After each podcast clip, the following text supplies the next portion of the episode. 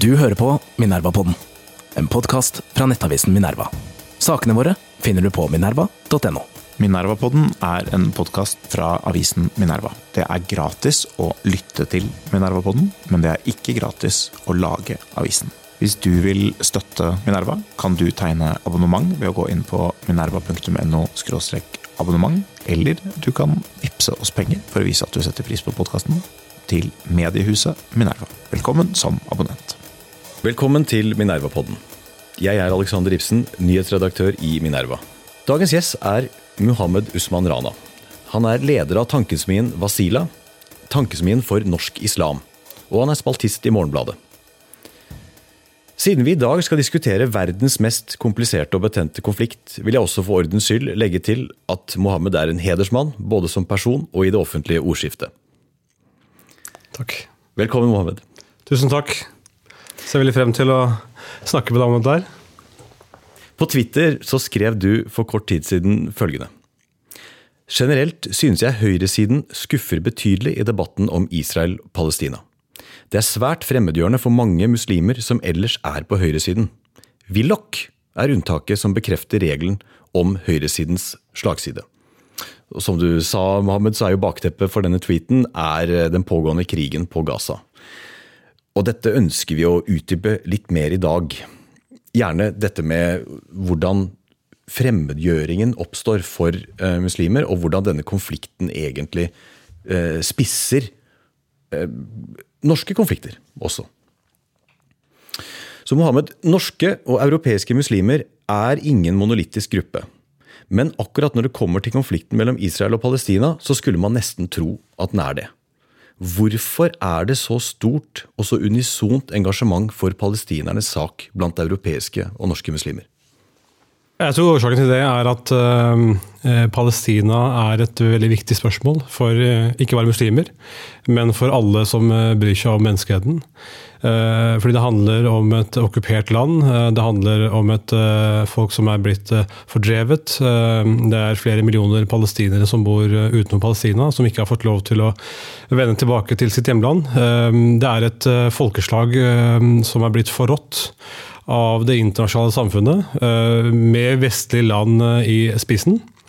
Eh, så den palestinske lidelsen, det er den menneskelige lidelsen som samler veldig mange. Og så er det klart at mange muslimer speiler seg i den palestinske befolkningen. Man deler samme religion. Men jeg tror det religiøse aspektet egentlig er ganske underordnet. Fordi det interessante er at selv de mest liberale muslimene engasjerer seg i Palestina-spørsmålet. Uh, og, og, og, det handler litt om at uh, det er den lidelsen de ser, denne dobbeltmoralen man, man, man, opplever at palestinerne er utsatt for, at det er det man reagerer på. Grove menneskerettighetsbrudd. at okkupasjonsmakten i Israel ikke bryr seg om internasjonal lov. de begår repeterte brudd på menneskerettigheter. Så, så, det er både summen av det hele som gjør at eh, veldig mange muslimer samler seg rundt eh, palestinerne. Og, og, la meg også understreke at det er ikke bare muslimer. Eh, jeg tror det er et skille mellom eh, det man kan kalle eh, Vesten og det globale sør. Eh, Tidligere kalte vi det global sør for den tredje verden. Men, men, men, men, jeg tror det er Vesten som er ganske unike i sin hva skal jeg si, panegyriske støtte til, til Israel, som er helt uforbeholden og egentlig enestående i, i verdenssammenheng. Vi ser at uh, veldig mange uh, ikke-muslimske land, uh, alt fra uh, Sør-Amerika Colombia har jo vært fremme. vi har jo sett mange andre land. Kina har vært kritiske nå. og flere andre makter er kritiske utenom de vestlige landene. Så jeg er veldig kritisk til å redusere det til et muslimsk spørsmål utelukkende. Så, så, så, skal man ikke selvsagt uh, skyve under stol at, at uh, det er en religiøs dimensjon. Uh, Aksa-moskeen er muslimenes tredje helligste sted. Så det er klart at det også vekker et, et, et, et visst engasjement. For å si det litt grovt, så er det jo den religiøse dimensjonen som virker å ha kommet i veien for en løsning tidligere. Eh, man var nære ved å få en tostatsløsning ved et par anledninger. Ikke for historisk tid heller, men starten av 2000-tallet. Eh, hvor Jerusalem ender opp med å bli det siste problemet, stridens eh, kjerne. Og den jødiske siden, den israelske, jo, virket jo å gå mot å takke ja til en, en, delingsordning den gang. Men da er det jo den religiøse dimensjonen, ikke bare et antivestlig sentiment. Jeg tror eh, at den religiøse dimensjonen eh, faktisk er eh, mindre viktig enn den som handler om at et folkeslag er drevet på flukt. Eh, har mistet sitt land eh, over 100 eh, år. Så har de bit for bit mistet sitt land. Dette er jo et land der 90% for ca. 100 år siden var palestinere og arabere. Og, og, og gradvis har jo da Ja, ikke sant? 10%, 10 kanskje, eller unnskyld, enda mindre, fordi det var mange kristne arabere. Mm. Så, så 90% var palestinere. Og, og, og, og, nå er det jo sant, eh, gradvis eh, vært en eh, immigrasjon av jøder fra hele verden. sant? Det, det, dette var jo den eh, sionistiske bevegelsen. Du har jo Sykes-Picot-avtalen, Balfour-erklæringen. Så, så, så, jeg tror at dette må ses i en veldig viktig historisk sammenheng. Og, jeg tror ikke at skylden på at det ikke er blitt en avtale, kan legges på palestinerne. Derimot så Eh, mistet palestinerne mye eh, i løpet av Oslo-avtalen vil mange palestinere si. At de takket eh, ja uten å ha tenkt seg godt nok om, at de mistet mye. Mm -hmm. og, og eh, det som ble spikeren i kisten altså Jeg husker fortsatt at eh, jeg satt og så på begravelsen til eh, Isak Rabin. Det var jo en, en, jødisk ekstremist, en israelsk ekstremist, som, som på en måte ganske symbolsk tok livet av den, av den fredsavtalen. Så, så, så, jeg tror at palestinerne palestinerne har gitt ganske mye. Og, og, og, det er faktisk roten til en del av pessimismen blant palestinerne. De så at PLO og Arafat eh, ga etter. Uh, uh, inngikk uh, kompromisser. Anerkjente Israel. Men hva fikk de tilbake? Ingenting. Det, det bodde, mer og mer land ble annektert. Det har bodd jøder der så lenge vi har skrevet en historie. Og du har jo helt rett i at antallet var et helt annet i lang periode fram mot moderne tid. Men de har jo bodd der. Og hvis man tenker på medlidenhet med et forfulgt folk, mener finnes det noe mer forfulgt folk på kloden og i historien enn jødene? Absolutt ikke. Eh, og, og, eh, det er jo et eh, veldig vesentlig poeng i europeisk historie. Det er jo først og fremst i Europa at jødene har, har lidd under diskriminering og hat i, gjennom flere hundre år. Så det er jo litt spesielt at, at, at det er på en måte palestinerne som skal miste sitt land av den grunn. Men, men, men, men det er jo en lang diskusjon, og hvem som kom først og hvem som kom etter. Det, det er på en måte litt underordnet. Da kan man jo på en måte argumentere for at uh, uh, USA nå bør, nå bør, gis tilbake til indianerne. ikke sant? Så, så det blir en litt sånn absurd diskusjon. Iallfall ser vi at i det vi kan kalle moderne historie, da, så er det jo et faktum at, at for 100 år siden, da det osmanske riket Eh, gikk under, eh, så, så um, sa jo vestlige land, særlig britene, til araberne at, at, nå må dere bli selvstendige. Nå skal vi hjelpe dere. Nå må dere slutte å uh, bli undertrykt av disse osmanerne, disse tyrkerne. Nå må dere få deres eget land. Uh, men det som egentlig var den hemmelige avtalen, var jo Sykes-Picot-avtalen. At franskmennene og britene delte uh, de tidligere osmanske landene mellom seg. Ja, interessesfærer. Ikke sant? Interessesfærer. Mm. Og, og, og, det visste jo ikke de, de, de stakkars araberne, som, som, trodde at nå skulle de bli herrer i sitt eget land. Mm. Og, og, så kom Balfour-deklarasjonen, ikke sant? Der man ga etter for Theodor Herzls ønsker om å, om å skape et, et land for, for jøder i, i Palestina. Og, og, og, da startet jo denne ikke sant, eh, ja, immigrasjonen fra Men jeg tror den, at denne historien er kjempeviktig. Og da startet denne gradvise immigrasjonen fra europeiske land og andre land til, til Palestina. Eh, og det ga jo protester fra palestinerne, eh, men Britene hø hørte ikke så mye etter dem. Eh, og så etter hvert sant, så brøt eh, andre verdenskrig ut, og britene prøvde vel å stoppe etter hvert den, den jødiske migrasjonen. Eh, men, men, men, da vokste jo en del militante grupperinger frem blant jødene. disse Hagana-militsene, som etter hvert begikk massakrer på palestinere for å få dem utryddet. Og, og blant annet Der Yasin massakren vel i 19, 1948, som skremte så mange palestinere at de faktisk flyktet og fikk aldri vende tilbake. Så det er litt av eh, bakgrunnen for hvorfor eh, den palestinske lidelsen er så enorm og så historisk eh, viktig. Og man ser der at eh, mange vestlige har måte hele veien bistått eh, denne ja, men, annekteringen av palestinsk land. Men Mohammed, altså eh, å peke på én visse deler av historien sånn som de gjør, det er absolutt relevant. Men historien er jo full av denne type eh, hendelser. Og folk som har flyktet fra sine hjem. To generasjoner etterpå så er det ingen som returnerer. Det er heller ingen ønske om å returnere, eller håp om det, for å si det mer presist. Det har vi til og med i Europa. Du har sudettyskere som ikke kommer til å komme tilbake. Eh, du beskriver hvordan stormaktene lurer. Altså, jeg selv som halvt greker vet jo godt at grekerne trodde de skulle få den lilleasiatiske kysten fra Tyrkia tilbake, og hadde briter og amerikanere i ryggen, trodde man. Det hadde man ikke. Eh, I dag så er det bare plagsomme grekere som driver og maser om at de skal ta tilbake Konstantinopel. Det er, men, men, men, det, det er, er ikke forhistorisk tid, det heller. Altså, det, er 1922. Det er klart. Uh, samtidig er det en slags relativisering. ikke sant? Uh, og, og, og, jeg tror at det mange palestinere opplever, er at for det første er det en ganske ny historie. Mm. og at denne historien gjentar seg. Ikke sant? Ok, palestinere har nå, De aller fleste palestinere har, og mange andre har jo akseptert at, eh, at, at eh, det kommer til å være et Israel. ikke sant?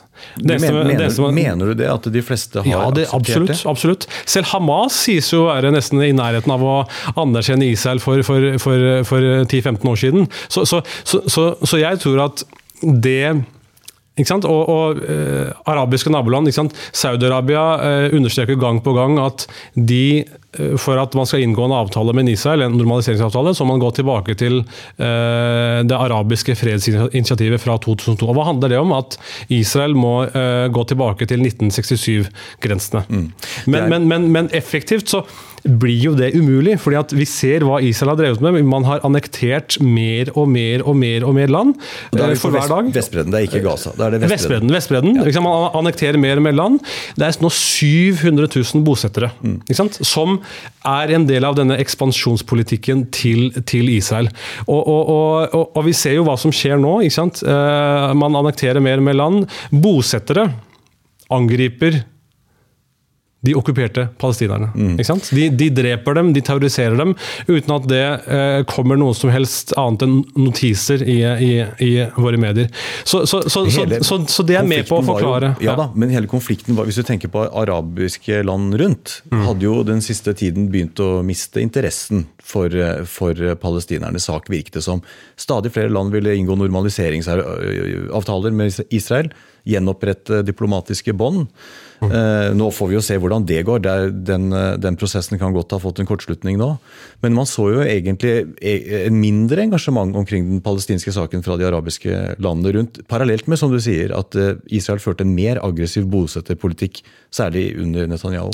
Jeg tror det er en vinkling, akkurat den, den du gjengir, noe en del israelske desinformasjonskampanjer vil ha frem.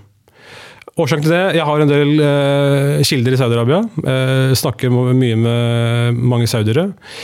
Det de sier, er at uh, israelerne hele tiden har prøvd å si at det er ikke så viktig å snakke om det palestinske spørsmålet. Det viktigste er bare at Israel inngår avtale med rike, mektige Gulfland. Mm. Ikke sant? Og så kan vi bare glemme det palestinske spørsmålet. Ingen som bryr seg om det. Men et land som Saudi-Arabia har jo gang på gang understreket at for at eh, man skal inngå en normaliseringsavtale med Israel, så er det palestinske spørsmålet faktisk sentralt for dem. Og Det er derfor de hele tiden sier, de har gjentatt gang på gang, utenriksministeren deres eh, eh, Faisal bin Farhan han har sagt mange ganger at eh, Israel eh, må eh, gi palestinerne en stat. Hvis ikke så er det ikke mulig å inngå en avtale. Det har også eh, kronprins Mohammed bin Salman gjentatt. Eh, og de saudiske kildene mine nå Jeg har jo bl.a. Uh, intervjuet en veldig kjent eh, forsker fra Riyadh som heter Aziz al-Rashian. Eh, han forsker jo på nettopp saudi-israelske relasjoner. Og som jeg skriver om i Morgenbladet, og jeg siterer han, så, så, sier han nettopp at det palestinske spørsmålet er det mest sentrale spørsmålet mm. når det gjelder en eventuell normaliseringsavtale mellom Israel og, og Saudi-Arabia. Og Saudi-Arabia er jo det mektigste uh, muslimske landet. Så, så, jeg tror at det er en del som ønsker at det palestinske spørsmålet ikke blir så viktig. Mm. Og hvem ønsker det mest av alt? Det må være Israel. Uh, hvis du ser på mange av de arabiske landene, uh, så har det vært en del meningsmålinger om de støtter normalisering med Israel. Brede, brede, brede majoriteten, og et overveldende flertall, støtter ikke normalisering. Nei, men, jeg er ikke så overbevist om at de støtter en tostatsløsning heller. Altså når vi har sett, Jeg hører du sier det, at de fleste skal vi si, relevante aktører på palestinsk side da, har akseptert skjebnen det, til det nivået at det blir en løsning vil måtte involvere en israelsk stat. Ehm, støttedemonstrasjonen i Oslo, som var 14.10, eh, veldig stort opp, eh, oppmøte med mennesker. Veldig mye minoritetsnordmenn. Og der var Slagordene som ble ropt, gikk på 'From the river to the sea'. Uh, Palestine will be free. For eksempel, og andre også. Er, ikke, er det skal vi forstå det som en tostatsløsning eh, ønsker? Jeg skjønner at du ikke skal forsvare ethvert slagord som blir ropt i en demonstrasjon, men dette var stor, eh, slagord som ble uh, istemt av så å si alle der. Um, er ikke det nettopp det jød, jød, israelske jøder peker på? og sier at ja, de, ønsker, de, ønsker, egentlig ikke å ha en israelsk stat. De snakker om 'from the river to the sea', altså fra Jordanelven til Middelhavet. Så skal Palestina bli fritt. Jeg har ikke vært på noen av disse demonstrasjonene. Eh, jeg har eh, venner som har vært der, eh, og jeg forhørte meg litt med dem. De hørte veldig lite til slike slagord. Det de fokuserte på, var mest 'la Gaza leve'. La eh, palestinerne få sin anerkjennelse, la palestinerne få sine menneskerettigheter. Eh, la det bli slutt på massedrap på palestinere. Så det var, eh, det var fokuset. Og, og, og, og eh, det, det, var ikke noe særlig religiøst tilsnitt til disse demonstrasjonene. Det var jo både eh, hva skal jeg si, ikke-muslimske og muslimske palestinavenner. Eh, det er jo mange etniske nordmenn som, som også støtter palestinernes sak. Ehm, så, så, så tror jeg at ehm, eh, igjen, det er å snu, eh, snu hele Uh, saken på hodet. Det å si at det er muslimer eller palestinere, arabere, som ikke anerkjenner Israel, jeg tror det er helt sekundært. Jeg tror at eh, arabiske land, eh, muslimer og ikke minst palestinere, i form av eh, PLO, de palestinske selvstyremyndighetene i dag, har jo anerkjent Israel. Og Det som er mantraet i den muslimske verden, er jo at man skal snakke om internasjonal lov. Man skal gå tilbake til det FN sier, gå tilbake til 1967-grensene. Og så kan man se på hvem er det som nekter motparten land. Ja, Det er vel litt begge sider? Nei, jeg vil ikke si det. Akkurat i, i, i praksis nå er det jo Israel. Ja, det, I, altså, I, form av uh, sak, bosettinger, annektering av land, og mm. at man hermetisk lukker ø, Gaza. Og, og, og ø, har tatt bit for bit og, av, av, av, det landet. Og jeg hørte på Men Gaza er jo overlatt til palestinerne, egentlig. altså Der trakk jo Israel seg ut i 2006. men det har jo vært hermetisk lukket. Man har jo, man, ja. har jo, man, har jo, kontroll på, man har jo kontroll på hva, de, hva palestinerne på Gaza spiser, hva de drikker, eh, hvem de kan gifte seg med, hvem de kan få besøk av, hvor mye bensin de kan få, hvilken behandling på sykehus de kan få. Så, så eh, det, er, det er jo ikke noe frihet, det er jo ikke et eget land. De har jo ikke et eget selvforsvar. De har jo ikke, de har ikke lov til å forsvare seg selv. Så, så, så det er jo helt vingeklippet. Det er jo, eh, som mange beskriver det, et, et, et friluftsfengsel. Og det, og, det, og, og det kan man ikke snakke om at det er et eget land, eller, eller er, en, er, et, er, et, eh, fritt område. Så jeg tror at man må, man må begynne å peke på hva diskusjonen virkelig handler om. Hvem som ikke anerkjenner hvem, og hvem som ikke innrømmer den andre et område. Og det er i praksis er det i dag israelerne som ikke vil gi Palestina land. Vi har jo, eh, en, det, er jo en styr, det er en styrkeforskjell. Altså, Israel har jo et, et mektig militær. Mm -hmm. eh, det har ikke eh, da enten det er eh, selvstyremyndighetene på Vestbredden eller og det, eller og det er veldig realistisk sagt, og, og jeg setter egentlig veldig stor pris på at du sier det. fordi at det viser jo at um, at det vi kan snakke om som det internasjonale samfunnet bare egentlig er tøv. ikke sant? Og at man snakker om såkalt rule-based order eller en regelstyrt verden, det er, det er, jo bare floskler. fordi at det er egentlig makten som rår. Eh, og eh, den israelske makten er enorm, som du helt korrekt sier. Eh, de har enorm makt. De har USAs uforbeholdne støtte bak seg. De har de aller fleste vestlige støtte bak seg. Så ja, de er, de er, sterke, men det betyr ikke at det de gjør er korrekt, eller at folk som er tilhengere av menneskerettigheter bør støtte det Israel gjør. Og det er der hulheten Eh, kommer frem da, i mye av eh, diskusjonen. Og jeg vil si at uh, jeg er blant venner nå, ikke sant. Jeg, jeg, jeg, jeg, er veldig glad i Minerva. Jeg har jo i mitt engasjement som en del har merket de siste årene tatt veldig til orde for at norske muslimer skal se litt mer til høyresiden. Mm. Fordi at jeg har reagert på at den overveldende majoriteten av norske muslimer stemmer litt blindt på venstresiden. Mm. Opp til 85% Det har i hvert fall vært sånn historisk? Ja, det har vært det. Og, og, og øh, min øh, tankesmie som, som, jeg leder for, vi laget en rapport før stortingsvalget for to år siden ca. Uh, og løftet et, en kritisk røst da, innad. Og, og, og, spurte muslimer hvorfor stemmer man så blindt på venstresiden. Og man gikk gjennom en del verdier. og, og så, så eh, Mitt ønske har jo hele tiden vært å se at man har også en del naturlige alliansepartnere på, på norsk høyreside. Dette med alt fra når det gjelder kanskje verdier, eh, hvordan man ser på eh, hierarkier i samfunnet, at, at, eh, at, eh, man har respekt for tradisjoner, eh, selv om de kan være norske tradisjoner. så At, at, man ser på noe av de mer konservative elementene da, i norsk politikk. Og, og, og, den broen har jeg på en måte forsøkt å bygge. Mm. Uh, og det har vært interessant. Og den broen har vi sett mange muslimer prøve å bygge i andre vestland, ikke minst i USA. Uh, så ser jeg at, at uh, når det gjelder Palestina-spørsmålet, så er det veldig vanskelig for mange muslimer Eh, å svelge en del av høyresidens helt eh, blinde troskap til det Israel driver med. Ja. Jeg tror, mm. det, det, jeg lurer på eh, ja. veldig, veldig, viktig og godt resonnement der, Mohammed. og, og, og den, den for, det at muslimer for, har blitt tatt for gitt av venstresiden, må jo utfordres. veldig... Definitivt. Ja. Fortsatt. fortsatt. fortsatt det. Og, og, og, det er jo ikke sånn at uh, norsk utenrikspolitikk, eller uh, det vet jo du godt, uh, at norsk Midtøsten-politikk endrer seg jo ikke så mye om det er Espen Barth Eide som er utenriksminister, eller Ine Søreide. selv om det var nok en litt dreining der. Jeg syns faktisk Espen Barth Eide ga en del kloke uttalelser for å være fra fra et vestland eh, da han var i Kairo nylig. Han, han, eh, fordøm, han eh, brukte faktisk ordet fordømmelse om, om, om Israels At de har stengt elektrisitet. Og, ja.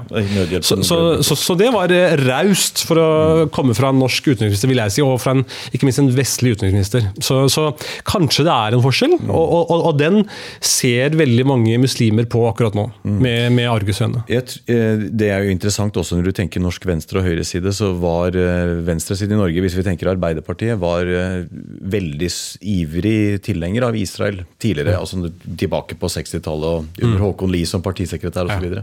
Da var det nok en eh, litt større Én En ting var holocaust-minnet, selvfølgelig. Så tror jeg nok både den gang og senere at en del vest, nordmenn, vestlige personer, europeere, har latt seg imponere over, over det jødiske folk i Israel, som har, stått, eh, har vunnet noen eksistensielle kriger. eh, Og egentlig bygget opp et ganske imponerende land teknologisk, eh, økonomisk og industrielt på et et, van, et vanskelig sted i verden. ikke sant?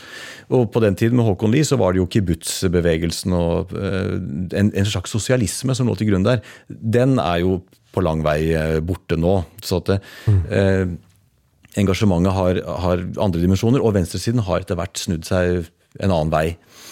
Eh, men tenker vi ikke litt Hvis vi ser på nordmenn, da, kristne nordmenn, eh, så er det jo et ganske stort spenn i engasjementet sitt sett opp mot denne konflikten. Vi har fra MIF, som eh, jo rekrutterer sterkt fra, fra kristne miljøer i Norge. Men vi har også biskopen i Oslo som er medlem av Palestina-komiteen. Vi, liksom, det spennet finner vi ikke på samme måte hos, eh, hos eh, muslimer i Norge. ikke sant?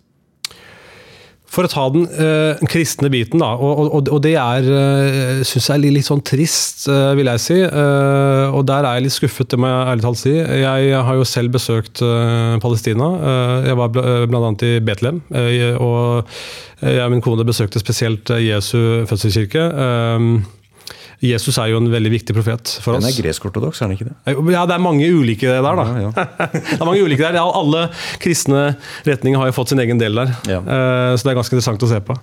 Men, men eh, for oss var det jo det religiøst viktig eh, å dra dit. Vi fikk noen få timer i Palestina, så vi dro først til eh, Betlehem. Eh, Og der møtte jeg mange kristne palestinere. Og de er jo like mye rammet Det er jo den glemte gruppen. Glemte gruppen. De er jo like mye rammet av eh, den israelske okkupasjonen.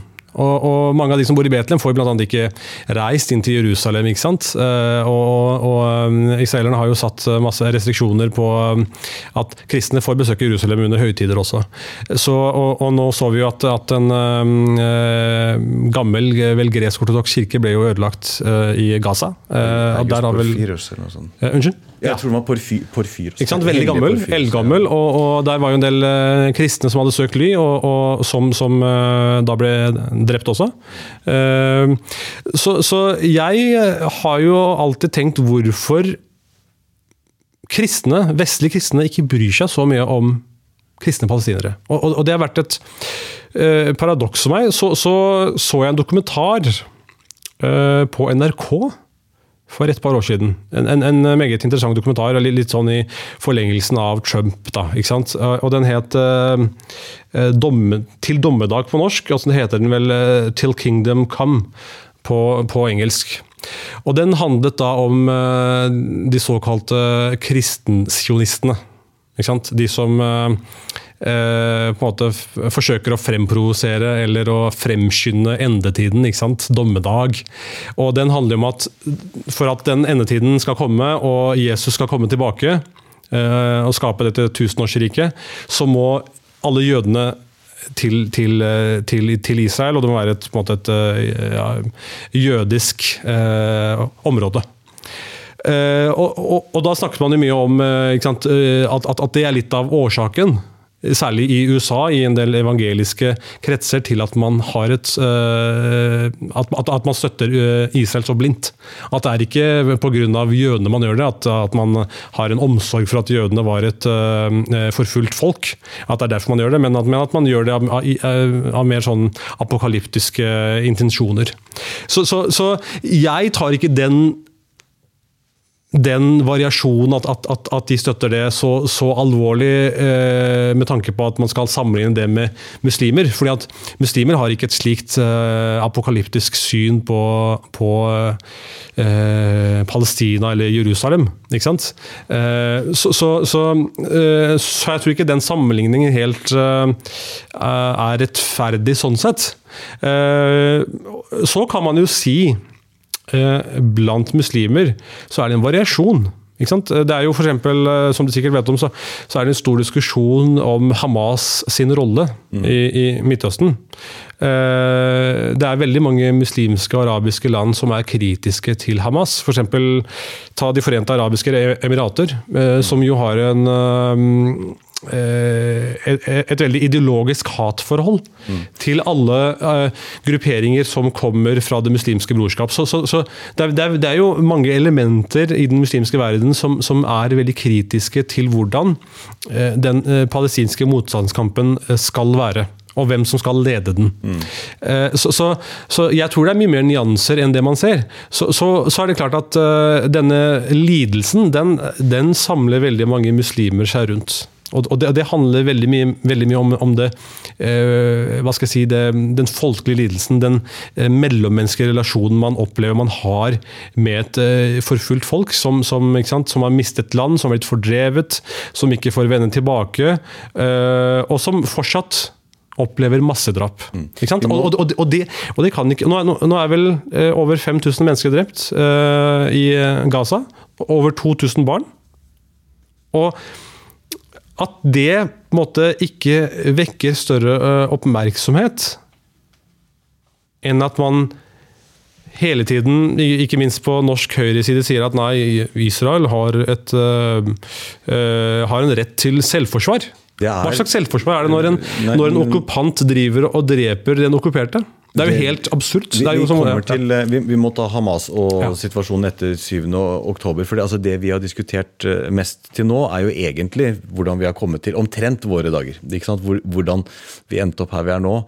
Um, men hvis vi tar, hvis, hvis vi tar den um, Jeg vet ikke om dette er en brannfakkel, men altså Det engasjementet som tross alt er rundt det er ikke bare det vi ser på støttemarkeringer, men det er jo også fra araberstater som har flyktningleire.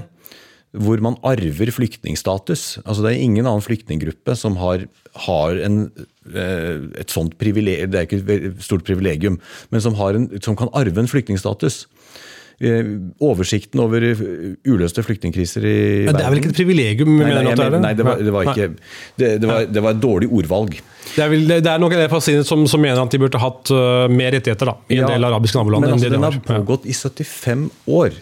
og Araberstatene rundt jeg sorterer dette innunder engasjementet for palestinerne. Sier at nei, dere skal ikke bli jordanesere eller syrere eller eh, libanesere. Dere skal tilbake en dag. Ingen andre flyktninger i verden har, har, fått en sånn status og kunnet nedarve den til sine barn. Altså Vi må fra, fra dagens eh, Hvis man tenker i lengde på uløste flyktningsituasjoner, så ja, palestinske flyktninger, 75 år per i dag. Eh, vi må ned til da somalske borgerkrigen, og da er det 31 år. Ikke sant? Det er under halvparten.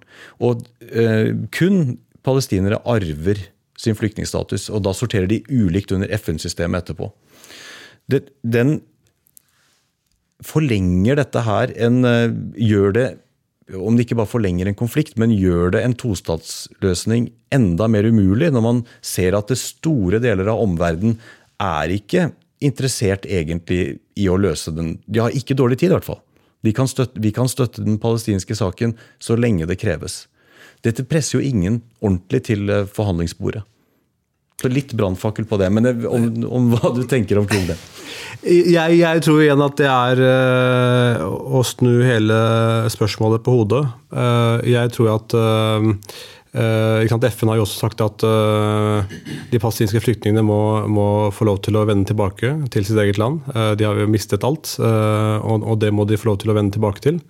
og så tror jeg at dette mantraet om en eh, tostatsløsning, eh, eh, og at vestlige land gjentar det, det tror jeg er mer en sånn Hva skal jeg si? Slik at man får et lite hvileskjær, eller at man, at man bare kan si og gjøre palestinerne fornøyde. Fordi man vet at en tostatsløsning med dagens israelske regime ikke er mulig. Og med tanke på den bosettingspolitikken som har vært der, ikke er mulig å gjennomføre. fordi at uh, ja, Du må tvangsflytte, da. Det er flere ikke sant, hundre ikke sant? Flere 700 000 mm. israelske bosettere. Så, så jeg, jeg vil si at det ansvaret hviler på Eh, først og fremst Israel. Og, og, der er det jo Jeg har jo sitert en, en Haretz-skribent mange ganger i en del av mine artikler om eh, Midtøsten-konflikten. Han heter Jussi Sarit. Han var vel parlamentariker, han er død nå. Han skrev en artikkel om hva som driver denne bosettingspolitikken til israelerne. Og, og, og Eneårsaken peker han på handler om sikkerhet. Det er jo det. Altså, det er det ene. Men, men, men, men så kommer jeg til mer interessante. da. Mm. Eh, Sikkerhet er det ene, at de vil utvide folket sitt slik at eh, de er sikrere i sitt eget land. På bekostning av palestinernes land. Og så peker han på at, at eh, det handler om at, eh, at, israelerne bare må få, et, må få større leverom. At, at, de, at, de, trenger større plass. Og til sist nevner han, nevner han den religiøse dimensjonen. Og den må man ikke eh, Hva skal jeg si Det Den må man nevne mer. Eh, fordi jeg tror det er i, dagens regjering i Israel elementer som har en veldig eh, tilnærming til spørsmålet som handler om å gjenopprette et Stor-Israel. Mm. Ikke sant? Etter, etter, religiøse skrifter. Og, og, og det er eh, ganske farlig, fordi at eh, det, det gir det hele en dimensjon av en religiøs krig.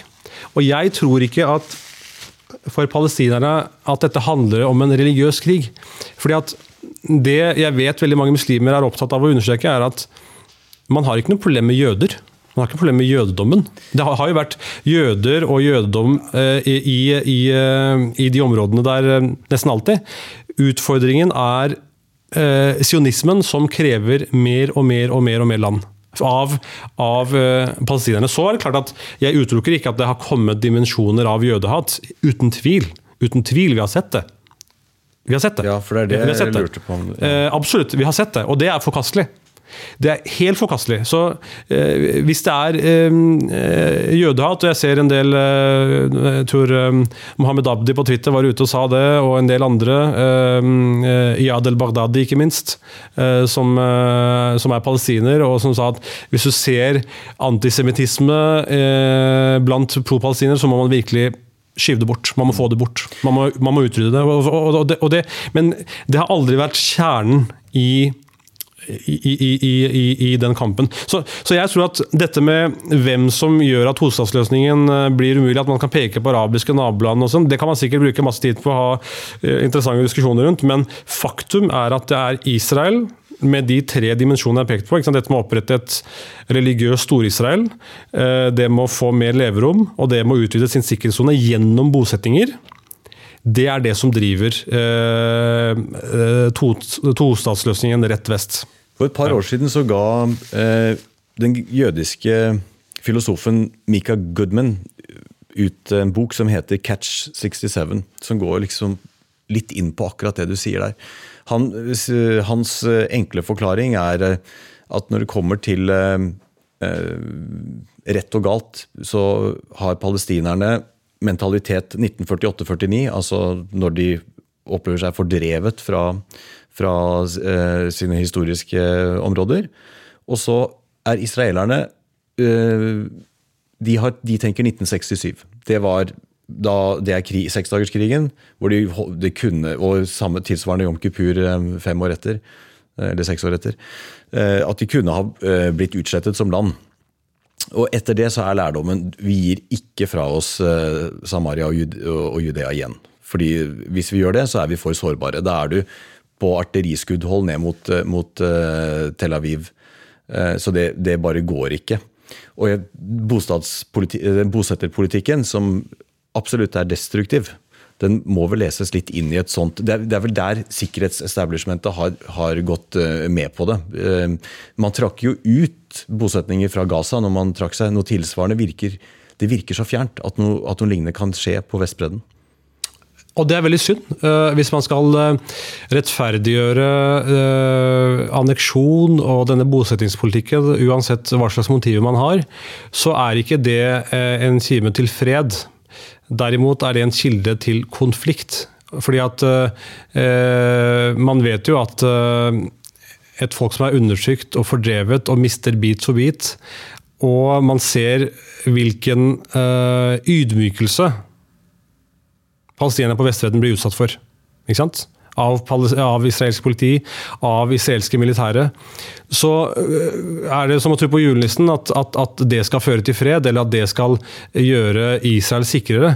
Altså, øh, hvis, du ser på, du ser på det som skjedde nå, da, ikke sant? Uh, disse brutale angrepene mot sivile fra Hamas det er jo i seg selv eh, sikkert vært noen doktorgrader å se på hva som skjedde med det israelske militæret. Eh, hvor, var de? hvorfor klarte de ikke å stoppe det? Hvorfor klarte de ikke å stagge det?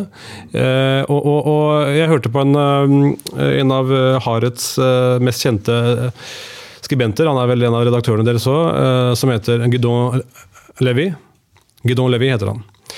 Han sa at Pga. den ekstreme regjeringen Israel har nå, så har de hatt et sterkere fokus på Vestbredden. På Vestbredden. Så de har sendt en del soldater til Vestbredden for å forsvare terroriseringen, rett og slett, av palestinere fra israelske bosettere.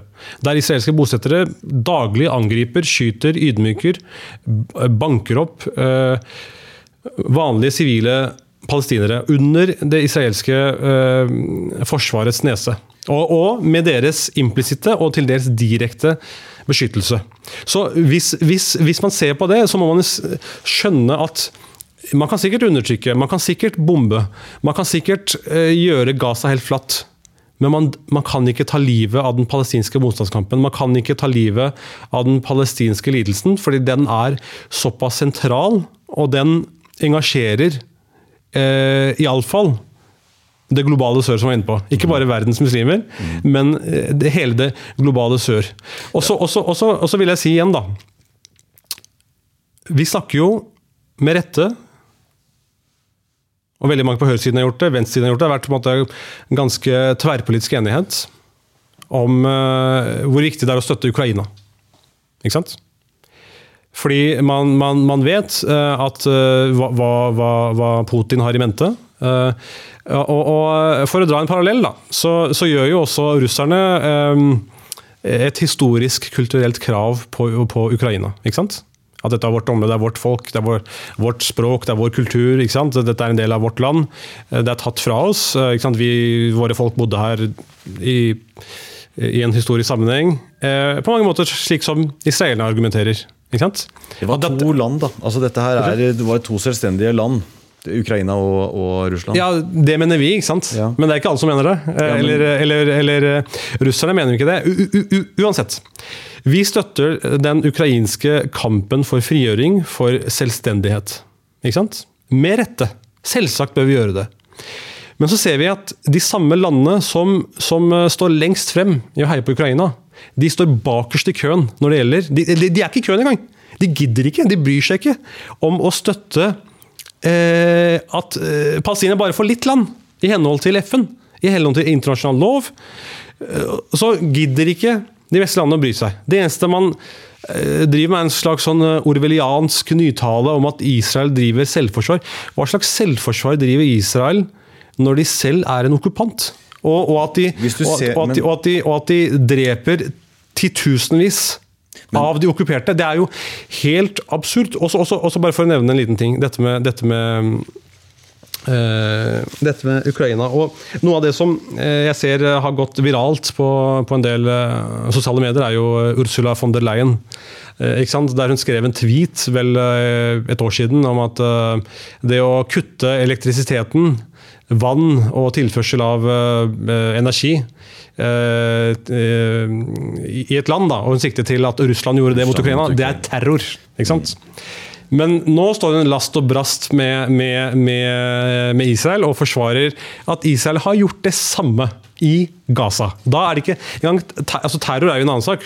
Hun vil jo nesten ikke kritisere det engang. Og, og jeg så i dag eh, en, en, en saudisk uh, sosiolog på Twitter hadde skrevet at uh, det, er, det, Ursula von der Leyen gjør, er som å drepe en mann, og så etterpå delta i begravelsen hans. Når du ser på det som skjedde 7.10, eh, Hamas sitt terrorangrep inn mot sivile israelere to, to, spørsmål jeg har der. Det ene er Ble du litt skremt over hva Hamas var i stand til? For det, det vi beskriver med Du snakker om trakassering, også drap. Eh, mye av det vet vi også er pga. Eh, bruk av menneskelige skjold fra eh, Hamas. Dypt tragisk, men altså at det brukes Man, man forskanser seg i områder hvor sivilister er, også barn. Og på den måten bidrar jo til at disse barna blir drept på Gaza nå. Men dette er på et vis noe som har skjedd lenge. Det vi så 7.10, var i min optikk noe helt nytt. Det var IS-stil angrep inn på, på sivile jøder. Med en, med en, brutalitet og bestialitet som vi ikke egentlig har, ikke har sett før. Helt klart, uten tvil. Men hva er, altså, som en ting Vi snakker om at uh, Israel under Netanyahu og med bosetterpolitikken har på et vis blitt noe radikalisert politisk. Det samme må jo ha vært tilfellet med Hamas, som eh, jo har vært en terrororganisasjon lenge. Men det som du utrettet denne gangen her, skaper, tror jeg, et vannskille for mange. Så at de tenker eh, Jeg lurer også på det når det kommer til eh, palestinske støttespillere. Blir man ikke litt skremt over hvem det er man indirekte tross alt støtter? Hamas-angrepet eh, mot Israel 7.10 var uten sidestykke. Eh, og det må fordømmes. Alle angrep uh, og drap på sivile, eh, gisseltagninger, må fordømmes. Det er, det, er, det, er, det er, trist. Det var bestialsk. Helt enig. Og jeg tror jo at, at det vi har sett med Hamas, er en del av en langvarig radikalisering av, av Hamas. Uh, saudierne, som egentlig er veldig kritiske til Hamas, peker jo på at det man så, var, var denne såkalte trykkokeren. At, at, at, at det har kokt lenge. At den palestinske desperasjonen har økt. Eh, i takt med sant, eh, eh, at det har vært en veldig ekstrem regjering i Israel under Netanyahu.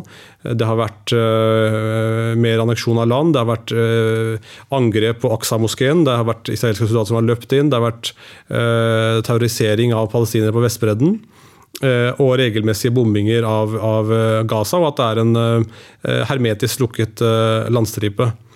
Så, så, Det er det saudierne peker på, at det har vært en radikalisering. ikke sant? Eh, men, men, men at, at, at uh, at, og, og, og, det er veldig mye kritikk mot Hamas. Jeg kunne så et intervju med det var vel med Ismail Hani, den politiske lederen til Hamas. Han ble intervjuet i Al Arabiya, en saudisk TV-kanal. Ble grillet av en kvinnelig saudisk journalist på arabisk. Veldig kritiske spørsmål. Angående akkurat det du nevnte. Hvorfor angrep dere sivile? Hvorfor oppførte dere på, en, på en bestialsk måte? Så, så, så eh, det er veldig viktig for meg å understreke at, at uh, støtten til Hamas er nødvendigvis ikke så stor i, i, i den uh, muslimske og arabiske verden. Mm. Det er ulike akser. ikke sant? Uh, Hvis vi snakker geopolitikk, så er det jo mange akser her. Det er jo en del som liker å se på Hamas som, som en del av den hva skal jeg si iranske aksen. Mm. ikke sant? Og kanskje i forlengelsen den russiske aksen også. Mm. så er det en annen akse, de som liker å støtte mer opp under de palestinske selvstyremyndighetene, mm. PLO. og, og, der finner man mange av Gulflandene. Mm. Som, som Saudi-Arabia eh, i fremste rekke. Så har jeg snakket mye med, mye med mine saudiske kilder, og, og, og, de har ikke villet fordømme Hamas. De har ikke villet fokusere på Hamas. Hvorfor? Fordi at de vil ikke bli tatt til inntekt for å støtte Israel.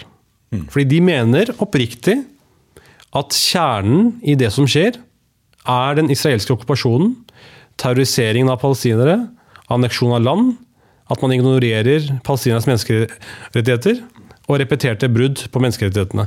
Så de repeterer det gang på gang på gang. Det betyr ikke at man, at man rettferdiggjør eller forsvarer Hamas. Uh, og uh, litt interessant er det jo også å se på hvem Hamas er. Jeg, jeg må jo si at uh, historien til Hamas er jo ganske interessant. ikke sant? Hamas oppsto, eller ble stiftet i, i, i 1987 av en som heter Sheikh Yasin.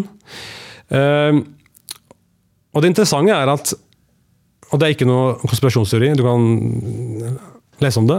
Gjett hvem som støttet Kommer, kommer USA inn her? eller? Nei, USA kommer ikke. USA kommer ikke. Da er det ikke en konspirasjonsteori, Mohammed. Nei, men, men uh, israelerne ville, ville, ville stifte og uh, støtte opp under Hamas i, på, på Gazastripen. Hvorfor? Fordi de var redde for at PLO og Yasir Arafat skulle bli for sterke. Så de ville ha en, en, en slags konflikt. En intra-palestinsk konflikt. Og det ser man jo nå. Så eh, eh, Det er veldig mye forskning og veldig mange israelere som også har innrømmet at ja, vi var med på å løfte opp Hamas. På Gazastripen spesielt. Eh, for, for at de skulle eh, gi litt motstand til, til eh, Yasir Arafat og, og PLO. Og det, det, det er ingen konspirasjonsserie, det kan du søke opp, det kan du eh, finne mange kilder på. Og så kan man si at Hamas ble et slags Frankenstein-monster, ikke sant. Men, men, men men, men, men det er litt av forhistorien til Hamas. Og så ser man at Hamas har jo også hatt øh, ulike trender opp gjennom årene. Eh, det sies at det har vært eh, en del fraksjoner innenfor Hamas som var nær på å gå eh, med på å anerkjenne staten Israel. Så, så, så, så jeg tror at man kan ikke Yes, 7. oktober, et veiskille uten sidestykke, forkastelig, bestialsk. Så må man zoome ut. Man kan ikke dekontekstualisere det som skjer. Man kan ikke se på det som skjer, uten å, uten å snakke om, igjen, okkupasjonen. Massemord på palestinere. Og så er det en ting liksom, man, man, man, man snakker, og det, og det reagerer eh, jeg personlig på, som, som et menneske. Eh, vi har fått sett veldig mange eh, beskrivelser av israelere som, som har opplevd terror nå. Og det gjør vondt. Virkelig. Det, er, det er helt uhørt at, at, at uh, sivile blir angrepet på den måten. F.eks. under denne musikkfestivalen. Eh, det er kjempetrist. Og så ser man at, at den eh, moralske indignasjonen er jo ikke der. Når det sitter israelske krigspiloter og trykker på en knapp og jevner bygninger på gassdrippen med jorden. Når de vet at det er barn der. 2000 barn på gassdrippen er drept i løpet av et par uker. 2000 barn. Det er et høyt, høyt antall. Det virker som at det er en renere måte å bli drept på hvis det skjer med en knapp fra luften, enn hvis det skjer med, med, på, på, på, på, på, eh, på en mer håndgripelig måte. Da? Og det er kanskje menneskers natur. At, at, at man får disse assosiasjonene at noen er drept med kniv. Og det, og dette er litt sånn naturlig. Men jeg tror vi må være, ha såpass moralsk ryggrad og si at det er ingenting Altså begge ting er ille. Begge handlinger er forkastelige. Og, og, og sant, denne diskusjonen om, om, om eh, menneskelig skjold Vi snakker om verdens kanskje mest avanserte Vi var inne på israelsk teknologi. Verdens, eh, blant verdens mest avanserte hær. Med såkalt presisjonsvåpen. Det virker ikke som det er presisjon, det de driver med. Ikke sant? Når de, når de nesten dreper vilkårlig rundt seg. Og, eh, og fordriver eh, ikke sant? Jeg, leste i går at det er f- 42% av hus på Gazastripen nå er eh, jevnt med jorden. Og, så blir, og, så blir, og så får palestinerne på, på Gazastripen beskjed om at nå må de, nå må de flykte til Sør-Gaza. Og der blir de også bombet. Ikke sant? Det er et fengsel. Hvor, hvor, hvor, hvor, er det de skal flykte til? Hva, hva, hva, er det som skjer med dem? Så, så, så, så jeg tror ikke at, at, det går an å snakke om en rule-based world eller order, regelstyrt verden, og på den ene siden snakke om uh, Ukrainas frigjøringskamp, mens man på samme siden ignorerer, og gir, eh, ignorerer palestinernes kamp og gir grønt lys til, til eh, den israelske bombingen av, av uh, Gaza akkurat nå. For det er jo det som i realiteten skjer nå. Når den etter eh, 8. oktober, da, dagen etter når man, fortsatt, når man begynte å se omfanget av eh, terroren, så snakket jeg også med Vi har ikke veldig mange israelske kontakter, men jeg har noen. Og det var helt åpenbart at dette her ville føre til en gjengjeldelse uh, som ville bli veldig stor. Og da vet man. man vet hva man, Du har jo beskrevet uh, Gaza. Tett befolket, lite sted. Um, et, sted som, hvor Hamas kontrollerer eh, store deler av eh, infrastrukturen og benytter den kynisk. Du forstår at dette her kommer til å bli fryktelig stygt og tragisk. Eh, og det visste man jo 8. oktober, for man visste én ting til. Det finnes ikke noe, realitet, noe, realisme i at Israel ikke responderer på dette. her. Det, ikke, det tror jeg ikke engang ville vært politisk mulig Å si at eh, mens det befinner seg 200 eh, gisler inne på Gaza, og så mange døde i Israel, og som du sa, en sikkerhetsbrist av dimensjoner, trolig forsterket av at man har bundet opp eh, all oppmerksomhet og, og sikkerhetspersonell på Vestbredden. Det ville komme et, en sånn gjengjeldelse, og det er den vi ser nå. da. Så får man jo litt vet ikke, den, den, den, er jo noe avventende. altså En bakkeinvasjon har ikke begynt. Man har hørt snakk om været. Vi ser også eh, vestlige statsledere, eh, USA viktigst definitivt, befinner seg jo De reiser dit.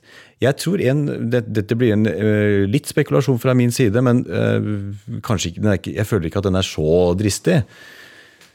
Fordi Du sier jo det at du, du savner et engasjement. Jeg ser jo for meg at det er noe vestlige statsledere gjør. Altså I stedet for å bruke tid på å um, fordømme og bruke ord, reise dit, prøve å få deeskalert sånn at en, en bakkeinvasjon ikke skjer i kampens hete, i blodtåka som kom etter 7. oktober. Um, Blinken eller Biden? Jeg mener det var Biden. Det kan ha vært Blinken. Nei, det var Biden som sier at ikke gjør våre feil etter 11.9. september. fordi man forstår hvilket traume det er, og hvilken, hvilken, øh, hvilken fare det er for at man handler overilt, som da Israel kunne gjøre denne gangen. Mm. Jeg, jeg, tror også at USA sitter med en, sitter med en nøkkel her.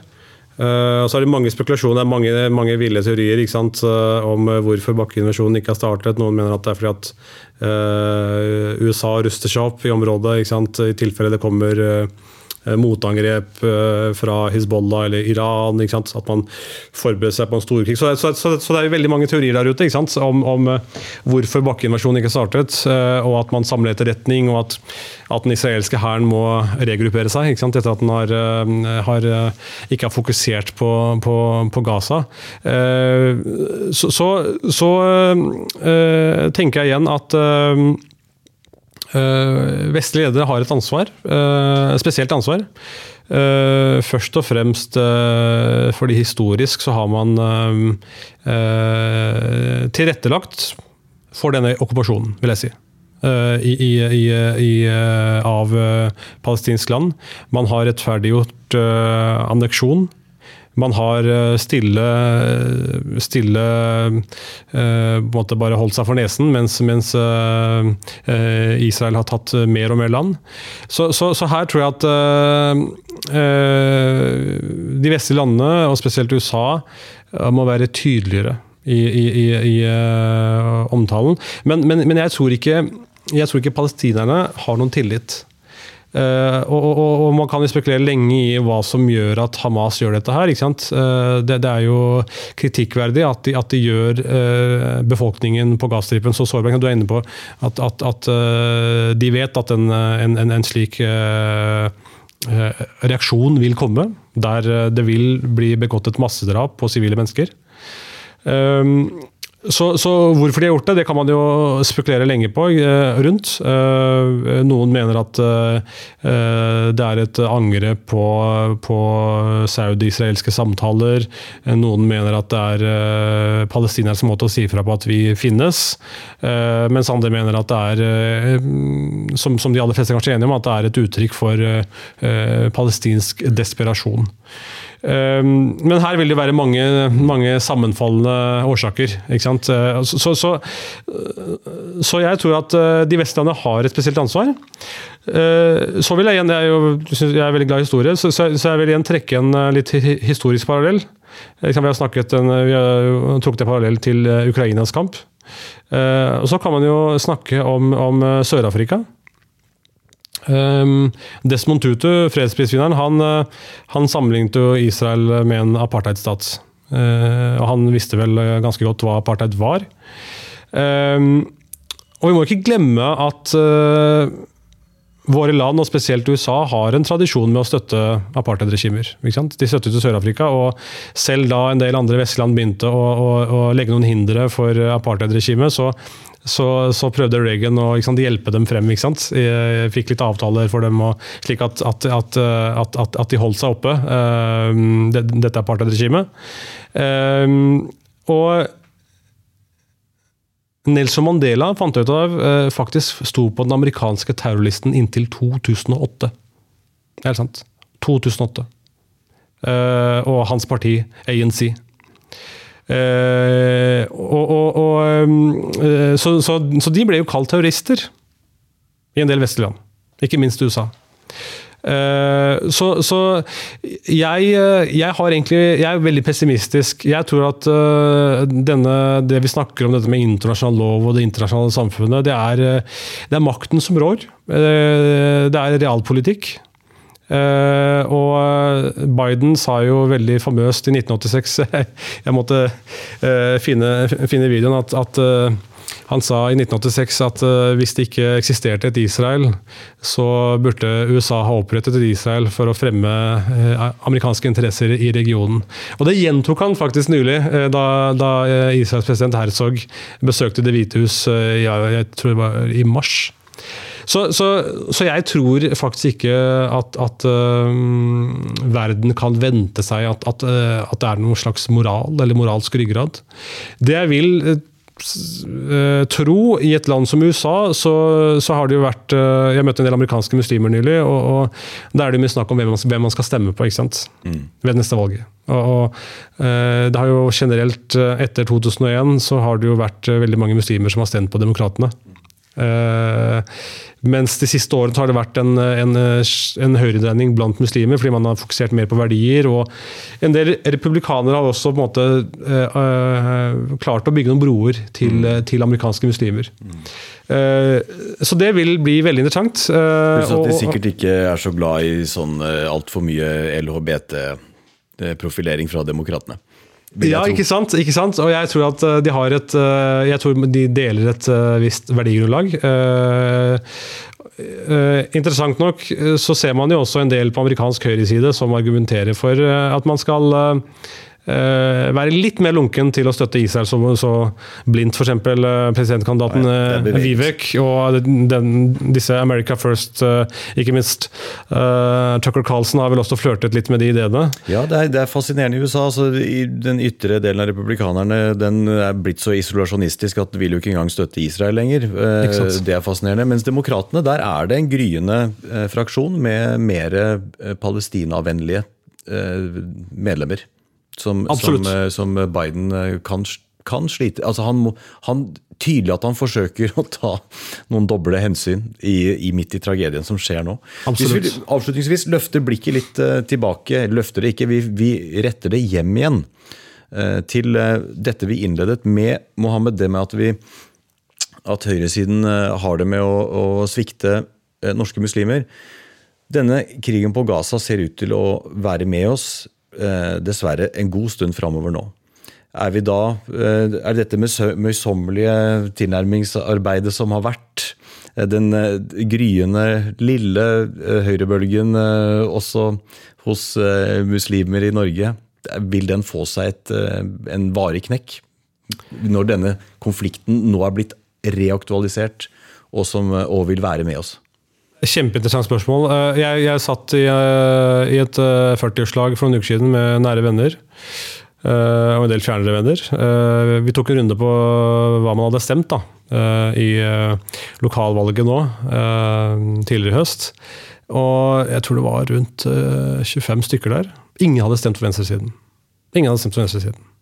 Det er fascinerende. Det er veldig fascinerende. Så, så, jeg tror absolutt at det er en, uh, at det er en liten høyrebølge. Uh, fordi man ser også at en del partier på høyresiden kanskje støtter litt mer opp under, opp under religionsfriheten. Så, så, jeg tror at jeg ville fortsatt oppfordre norske muslimer å um, ha et bredt blikk partipolitisk når man stemmer. Mm. Og, og at, at, eh, at man ikke eh, på en måte bare gir stemmen sin blindt. Og, og, at man ikke må se på eh, kun én sak når man avgir sin stemme. Fordi at Midtøsten-konflikten øh, vil nok ikke løses fra Oslo, uansett. tror jeg. Vi, vi klarte jo i hvert fall ikke det her. Nei, vi har jo forsøkt. Vi, vi, har gjort et tappert forsøk. vi har gjort et forsøk fra Oslo. Så jeg tror ikke at øh, det har så mye å si hvem som, øh, hvem som er utenriksminister i, i Norge. Det jeg derimot vil oppfordre norske politikere og tenkere, det er å stå opp for ytringsfriheten faktisk. Fordi at eh, man, jeg, jeg, har vært enig med mange om dette med kanselleringskultur. At man ikke har fått lov til å si at man ikke har fått lov til å være kritisk til innvandring. Det man få lov til å være. Man må få lov til å være kritisk til andre kulturer. Man må få lov til å være kritisk til islam. Men det vi ser i eh, Vesten i dag, Alex, er jo eh, ganske hårreisende i en del eh, land. Tyskland, Frankrike, ikke minst England. At, at det har vært eh, vanskelig og farlig å på helt fredelig vis være pro-palestinsk. Gå med palestinaflagg. Legge ut uh, pro-palestinske poster i sosiale medier. Og det er et uh, stort problem i USA også. Så, så, så, så her uh, mener jeg at ikke minst mennesker på norsk høyreside bør virkelig engasjere seg. Og, og, og her vil jeg, jeg har kritisert Ola Svendeby ganske mye opp gjennom de siste årene uh, for å ha en slagside mot islam. Nå er ikke han her, så jeg skal, så jeg skal ikke utdype det mer. men jeg syns det var veldig prisverdig av ham å skrive en kronikk nylig om, om at han var bekymret for uh, ytringsfriheten for de som er pro-palestinske. Mm. Uh, det har vært fotballspillere som har, sant, har lagt ut noe pro-palestinsk og, og, og uh, ikke fått lov til å trene med A-laget. Skjedde i Bayern München nylig. Så, så ikke sant, Som en tyrkisk journalist veldig kjent skrev på Twitter i dag ikke sant, Det virker som det bare er lov å brenne koraner i Europa, men ikke å vifte med et palestinsk flagg. Og det, det, det er nesten faktisk sant i dag. Og det er forstemmende. Og, og der vil jeg virkelig øh, oppfordre spesielt en del på høyresiden som har vært kritiske til islam, å heve stemmen. Altså. Fordi dette er farlig. Jeg snakket med en del amerikanske muslimer, som sagt, og, og de var veldig redde. De var veldig redde i, i, i USA. Mm. Der, der, å bli kansellert, miste jobben, miste levebrødet. Mm. Så, så, Norge tror jeg er faktisk uh, blant de bedre landene sånn sett. Uh, heldigvis. Ja, altså Det er jo mm. vår tids uh, verste sammenblanding, da, hvis kanselleringskultur skal møte historiens mest uløselige konflikt. Da, da, Ikke sant? Da begynner det og og jeg, mener, jeg ser jo på meg selv som en slags uh, høyreside. Vi på høyresiden har jo vært opptatt av at røster ikke skal bli kansellert. Ikke minst selv konservative røster. Så, så, så, og da må vi virkelig engasjere oss, slik at, eh, slik at uh, man kan ytre seg pro-palestinsk også. Vi må slutte med tre raske helt til slutt. Mohammed, ja eller nei? Er dette en årsak til at høyresiden mister muslimer? Nummer én støtte til at ytringsfrihet omfatter koranbrenning. Jeg vil si ja på det, iallfall uh, hvis man ser på hvordan en del muslimer stemte på partiet Sentrum. I Oslo-området spesielt, og ikke minst i Drammen. Men det er jo ikke unikt for norsk høyreside. Jeg tror nok også, også venstresiden har jo forsvart koranbrenning som ytringsfrihet, stort sett. Og så har man jo sett at Eh, en del politikere også på høyresiden har klart å på en måte kontekstualisere det litt. da, Ikke sant? Eh, ikke minst den påtroppende byrådslederen, eh, som likevel ble kritisert i landets største avis etterpå. Så jeg tror at det, dette er ikke unikt for verken høyre- eller venstresiden, men det er åpenbart et viktig spørsmål for muslimer. Og det handler ikke om at man er redd for islamkritikk eller vil Eh, forby islamkritikk, men man ser på det som en kalkulert eh, provokasjon, en slags eh, diskriminering, som skaper redsel i den muslimske minoriteten. Så det er det muslimer stort sett sier, og det er det jeg hører, særlig på østkanten i Oslo. Jeg noterer det som et ja. Nummer to at alle partier på norsk høyreside helhjertet deltar i pride. Nei. Det er en nei. Siste at partiene på høyresiden fortsatt ikke vil ensidig anerkjenne Palestina som stat? Nei. Mohammed Usman Rana, tusen takk for at du kom til Minerva-podden. Takk.